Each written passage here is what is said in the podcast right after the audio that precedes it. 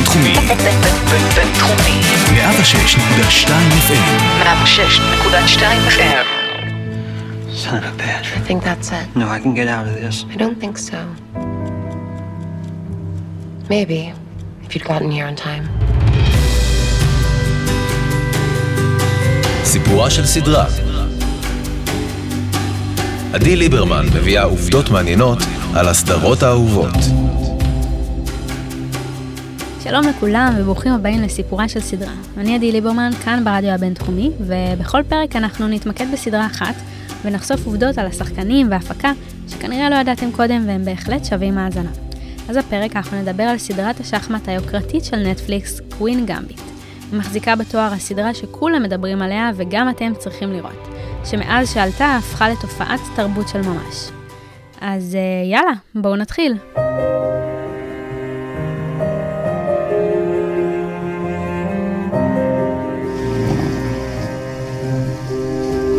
גמביט היא המיני סדרה המתוסרטת הנצפית ביותר אי פעם, עם 62 מיליון איש שצפו בה ברחבי העולם, לאורך ארבעת השבועות מאז ששוחררה לאוויר. המדידה של נטפליקס מסתפקת בשתי דקות של צפייה בלבד, אז אם דגמתם אותה במשך דקותיים ופרשתם, ברכות, אתם חלק ממיליוני הצופים של קווין גמביט. עניין מרשים בעיקר לנוכח נושא הסדרה, שעל פניו הוא נישתי ולא כל כך טלוויזיוני. הסדרה מציגה את סיפור ההצלחה של בית הרמון, יתומה צעירה בשנות ה-50 וה-60, שזכתה לתהילת עולם בזכות הכישרון הטבעי שלה בשחמט. בילדותה, בבית היתומים, היא מתיידדת עם השרת, שאצלו היא רואה את לוח המשחק, ואחרי שכנועים רבים מצידה, גם זוכה ללמוד ממנו איך לשחק ומתגלה כעילוי. אבל כמו תמיד, לגאונות יש מחיר. בית היתומים מספק לכל הילדים כדורי הרגעה על בסיס קבוע, מה שמפתח אצלה את התלות בחומרים ממכרים, שנמשכת שנים רבות גם אחרי, כשהיא הופכת לאחת המתחרות המובילות בעולם השחמט. למי שלא ידע, הסדרה מבוססת על רומן עם אותו השם משנת 1983 של הסופר וולטר טווייס. הסיפור ברובו פיקטיבי, אבל יש כמה קווי עלילה בסדרה ובספר שלקוחים מהחיים האמיתיים. התלות בסמים, למשל, מבוססת על ההתמכרות של מחבר הספר לסמים, איתה הוא התמודד במשך שנים.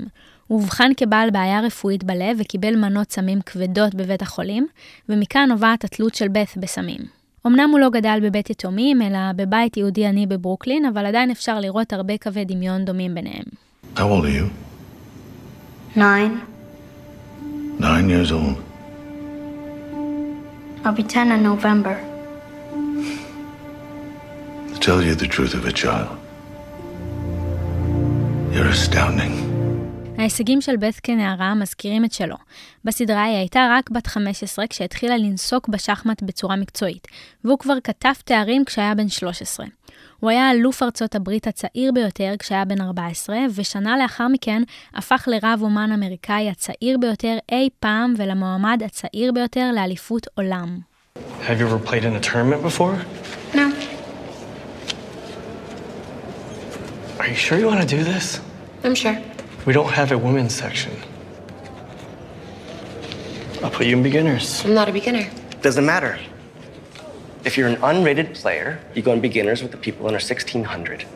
בית הרמון ויתר המתמודדים המבריקים בסדרה מבוססים על מספר שחקני שחמט מהתקופה, שאותן ציין בסוף הספר.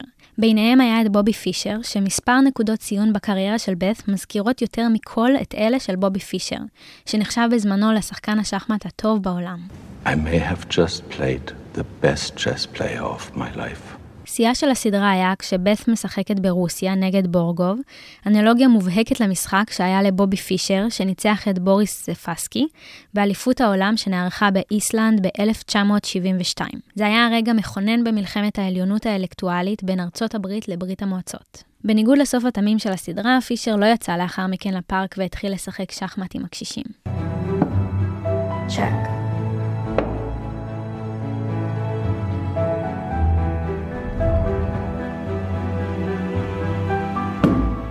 Me. במאי הסדרה, סקוט פרנק, סיפר כי הספר עבר דרך ארוכה וסוערת עד שהוא הגיע למסך. הוא לא היחיד שהיה מעוניין לעשות אדפטציה קולנועית. במאים רבים ניסו לעשות את זה, ואחרי שנים של עבודות והכנה, הגרסה הקולנועית של גמביט המלכה הייתה אמורה להתחיל את הצילומים בסוף שנת 2008. עם אלן פייג' מג'ונו בתפקיד הראשי, רק שאז הגיע מותו הפתאומי של הית' לדג'ר, זה ששיחק את הג'וקר באביר האפל, וההפקה הוקפאה. I'm playing white? From now on, we take turns. It's the way the game should be played. Then how come I couldn't go first before? Play. מה זה בכלל גמביט המלכה? זהו מהלך פתיחה תוקפני בשחמט, לרוב מהצד של הלבן, שמקריב רגלי במטרה להשתלט על מרכז הלוח ולהכניס את היריב למצב של התגוננות. בחירת שם המהלך לשם הספר בא להגדיר את אופייה של הגיבורה, שהאתגרים בחייה ניכרים, התייתמותה והתמכרותה, אבל הם לא מונעים ממנה לשלוט ובהדרגה להפוך לאלופה, כלומר למלכת המשחק. במשחק השחמט האחרון של הסדרה פותחת אליזבת בגמביט המלכה. אז מאיפה מוכרים לנו כוכבי הסדרה? Do you see it now? Or should we finish this on the board? אניה טיילור ג'וי, בת ה-24, שמגלמת את הגיבורה בת הרמון, עולה ופורחת בשנים האחרונות. השחקנית נולדה בארצות הברית, עברה עם משפחתה לארגנטינה ומשם לבריטניה, בנעוריה שבה לארצות הברית וחילקה את זמנה בין שני צידי האוקיינוס האטלנטי. תפקידה הגדול ביותר לפני קווין גמביט היה בעיבוד הקולנועי לסרט אמה, ועוד לפני כן היא בלטה בסרט ספליט. So what do you do to that poor guy you played in the third round? He looked like he wanted to kill himself. Uh, which poor guy are you talking about? Touche. לצידה של טיילור ג'וי מככב תומאס ברודי סנסר, בן ה-30 בתפקיד בני וואטס. מי שזיהה הוא כיכב כבר כילד בנני מקפיא, וכמובן, איך אפשר לשכוח את ג'וג'ן ריד במשחקי הכס. Excuse me, miss. What happened to that gawky kid who kicked my ass five years ago?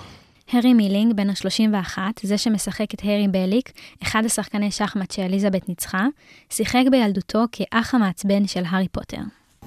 Is that whiskey? Mm-hmm. Yes. Don't tell. I won't.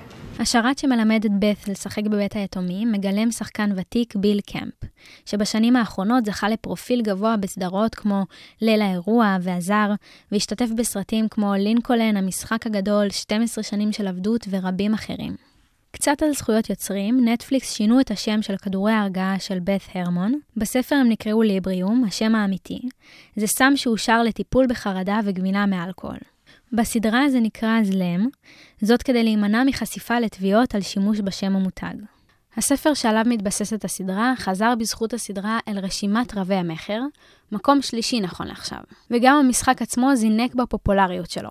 בארצות הברית נרשמה נסיקה של מאות אחוזים ברכישת ערכות שחמט, שעוני עצר ועוד אביזרים נלווים, ואפילו הורדות של אפליקציות שחמט זינקו בעשרות אחוזים. איגוד השחמט העולמי מזהה את העלייה בעניין, לא רק במשחק עצמו, אלא גם בצפייה בו בערוצים המוקדשים לו ברשתות החברתיות ובתחרויות הגדולות. ולכל מי שרצה לסיים את הסדרה ביומיים ומחכה כבר לעונה הבאה, בגלל שאין ספר המשך, נכון לעכשיו גם לסדרה לא יהיה אחד כזה.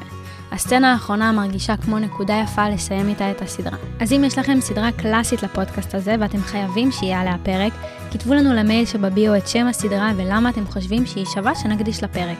אני עדי ליברמן, כאן ברדיו הבינתחומי, ואנחנו נתראה בפרק הבא. יאללה ביי.